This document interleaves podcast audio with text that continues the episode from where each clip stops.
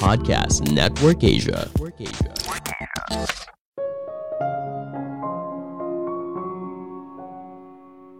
Jangan takut merasa bosan, karena itu adalah cara kita menjadi lebih produktif dan kreatif. Halo semuanya, nama saya Michael. Selamat datang di podcast saya, Sikutu Buku. Kali ini saya akan bahas buku Bored and Brilliant karya Mano Zumorodi. Sebelum kita mulai, buat kalian yang mau support podcast ini agar terus berkarya, caranya gampang banget. Kalian cukup klik follow Dukungan kalian membantu banget supaya kita bisa rutin posting dan bersama-sama belajar di podcast ini. Buku ini membahas kalau bengong bisa membuat kamu jadi produktif dan kreatif.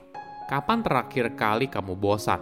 Bukan bosan karena tidak ada film terbaru yang bisa kamu tonton dari layanan streaming, tapi diam tidak melakukan apa-apa. Riset membuktikan kalau saat ini fokus seorang berpindah setiap 45 detik ketika bekerja secara online karena interupsi dan pesan yang muncul terus-menerus. Padahal bosan itu punya sisi positif. Gak percaya? Coba ingat ketika terakhir kali kamu berargumen dengan seseorang. Lalu ketika kamu sedang berada di bawah shower atau sedang berjalan, tiba-tiba saja pikiranmu mengulang kembali kejadian itu dan kamu lalu menemukan argumen balasan yang kuat. Apakah hal ini sering terjadi? Jika iya, artinya pikiran kita bisa bekerja dengan maksimal ketika pikiran kita tidak fokus pada hal tersebut. Dengan kata lain, ketika kita sedang bosan. Otak kita tidak berhenti berpikir saat kita bosan. Momen itu justru merupakan momen kita yang paling kreatif. Saya merangkumnya menjadi tiga hal penting dari buku ini. Pertama, kondisi bosan merupakan siksaan. Apa yang terjadi jika internet padam, baterai handphonemu mati, dan tidak ada sinyal di TV kamu? Lalu kamu hanya duduk diam dan tidak melakukan apa-apa.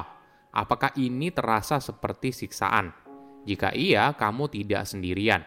Menurut riset, banyak orang berusaha sebisa mungkin untuk menghindari rasa bosan Eksperimen ini membagi responden untuk merasakan tiga stimuli yang berbeda, musik, gambar, dan sengatan listrik rendah. Responden lalu ditanya, apakah mereka bersedia membayar untuk menghentikan sengatan listrik tersebut? 75% lalu bilang iya.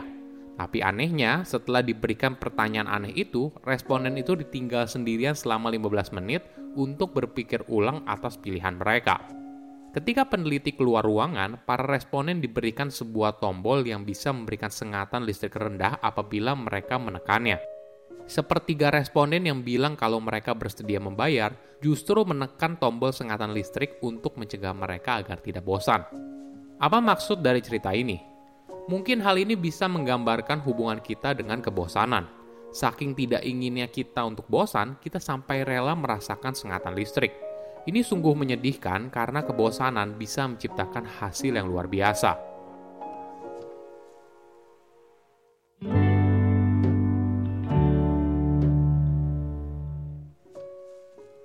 Kedua, teknologi mengubah hidup manusia. Teknologi tentu saja mengubah hidup dalam banyak aspek, termasuk juga pikiran. Ketika kamu jalan keluar, pasti kamu akan melihat orang lain sedang sibuk dengan handphonenya Salah satu dampak nyata dari teknologi adalah cara kita memproses informasi. Sebelum adanya internet, mayoritas orang membaca secara linear, baris per baris, satu per satu. Namun sekarang, fokus kita menjadi semakin pendek. Kita terbiasa dengan informasi yang singkat dan judul artikel yang clickbait. Hal ini membuat kita kesulitan untuk membaca sebuah informasi secara fokus dalam waktu yang panjang. Sebuah studi membagi para responden menjadi dua kelompok. Yang satu membaca cerita misteri dalam format e-book, yang satu lagi dengan format cetak. Hasilnya, secara pengalaman emosi membaca, keduanya hampir sama. Bedanya, responden yang membaca dalam format cetak lebih baik dalam menjawab pertanyaan soal aspek cerita secara kronologis. Apakah kamu pernah dengar gerakan digital detox? Sebagai informasi, digital detox merupakan periode waktu di mana seseorang tidak menggunakan perangkat teknologi seperti smartphone, televisi, komputer, tablet, dan media sosial untuk sementara waktu. Apakah ada manfaat dari aktivitas ini? Salah satunya ternyata bisa membantu kita terhubung dengan orang lain. Dalam sebuah studi, para responden dipisahkan secara sepasang dan diminta untuk berbicara satu sama lain selama 10 menit. Beberapa ada yang diminta untuk tidak menggunakan perangkat smartphone-nya. Beberapa ada yang hanya diminta menaruhnya di atas meja. Dan beberapa hanya diminta untuk memegang perangkat tersebut. Ada dan tidak adanya smartphone ternyata memberikan perbedaan yang besar. Bahkan ketika masing-masing responden mengenal satu sama lain dengan baik, kehadiran smartphone mendorong tingkat empati mereka di bawah dari pasangan orang asing yang diminta tidak menggunakan smartphone. Berhenti sejenak dari teknologi sama halnya ketika kamu memutuskan untuk mengambil cuti dari tempat kerja.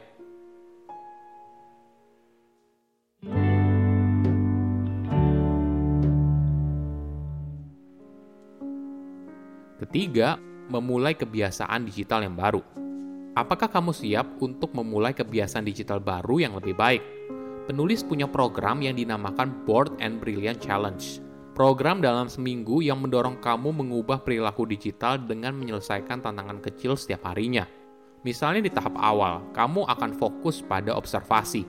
Hari pertama kamu mulai dengan mencatat perilaku digitalmu. Misalnya berapa lama kamu habiskan untuk membuka handphone, untuk tujuan apa, dan sebagainya. Di hari kedua, menghindari penggunaan teknologi. Kita punya kebiasaan untuk berlebihan dalam menggunakan teknologi. Karena memang teknologi ini membuat kita ketagihan Misalnya, pernah nggak ketika kamu bosan lalu scroll media sosial? Tanpa kamu sadari, kamu sudah menghabiskan sejam di sana. Jadi, di fase ini, biarkan dirimu untuk menikmati momen yang sedang kamu jalani. Misalnya kamu sedang jalan kaki, menyetir, atau sedang duduk diam. Tahan diri kamu untuk menggunakan handphone. Tidak usah membuka podcast, musik, atau media sosial. Nikmati saja momen yang sedang kamu lakukan di hari ketiga, stop ambil foto secara digital. Daripada foto secara digital, fokus untuk menyimpan gambar itu di memori otak kamu. Di hari keempat, hapus aplikasi favoritmu. Ini memang tidak mudah. Aplikasi ini adalah aplikasi yang selalu kamu buka setiap kali merasakan bosan, entah itu media sosial, e-commerce, dan sebagainya.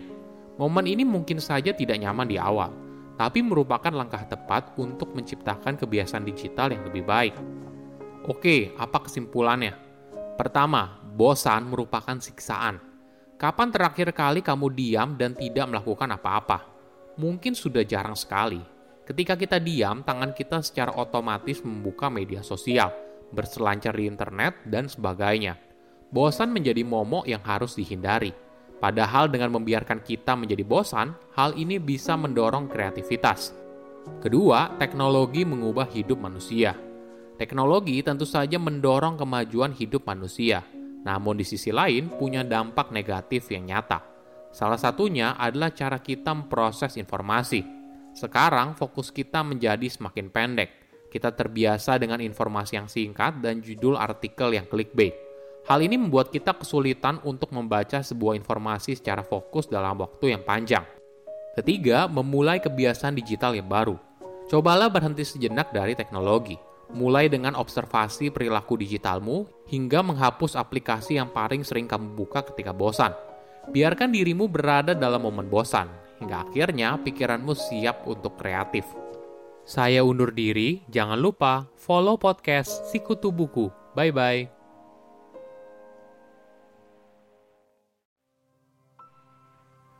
Pandangan dan opini yang disampaikan oleh kreator podcast, host, dan tamu tidak mencerminkan kebijakan resmi dan bagian dari podcast Network Asia. Setiap konten yang disampaikan mereka di dalam podcast adalah opini mereka sendiri dan tidak bermaksud untuk merugikan agama, grup etnik, perkumpulan, organisasi, perusahaan, perorangan, atau siapa pun dan apa pun.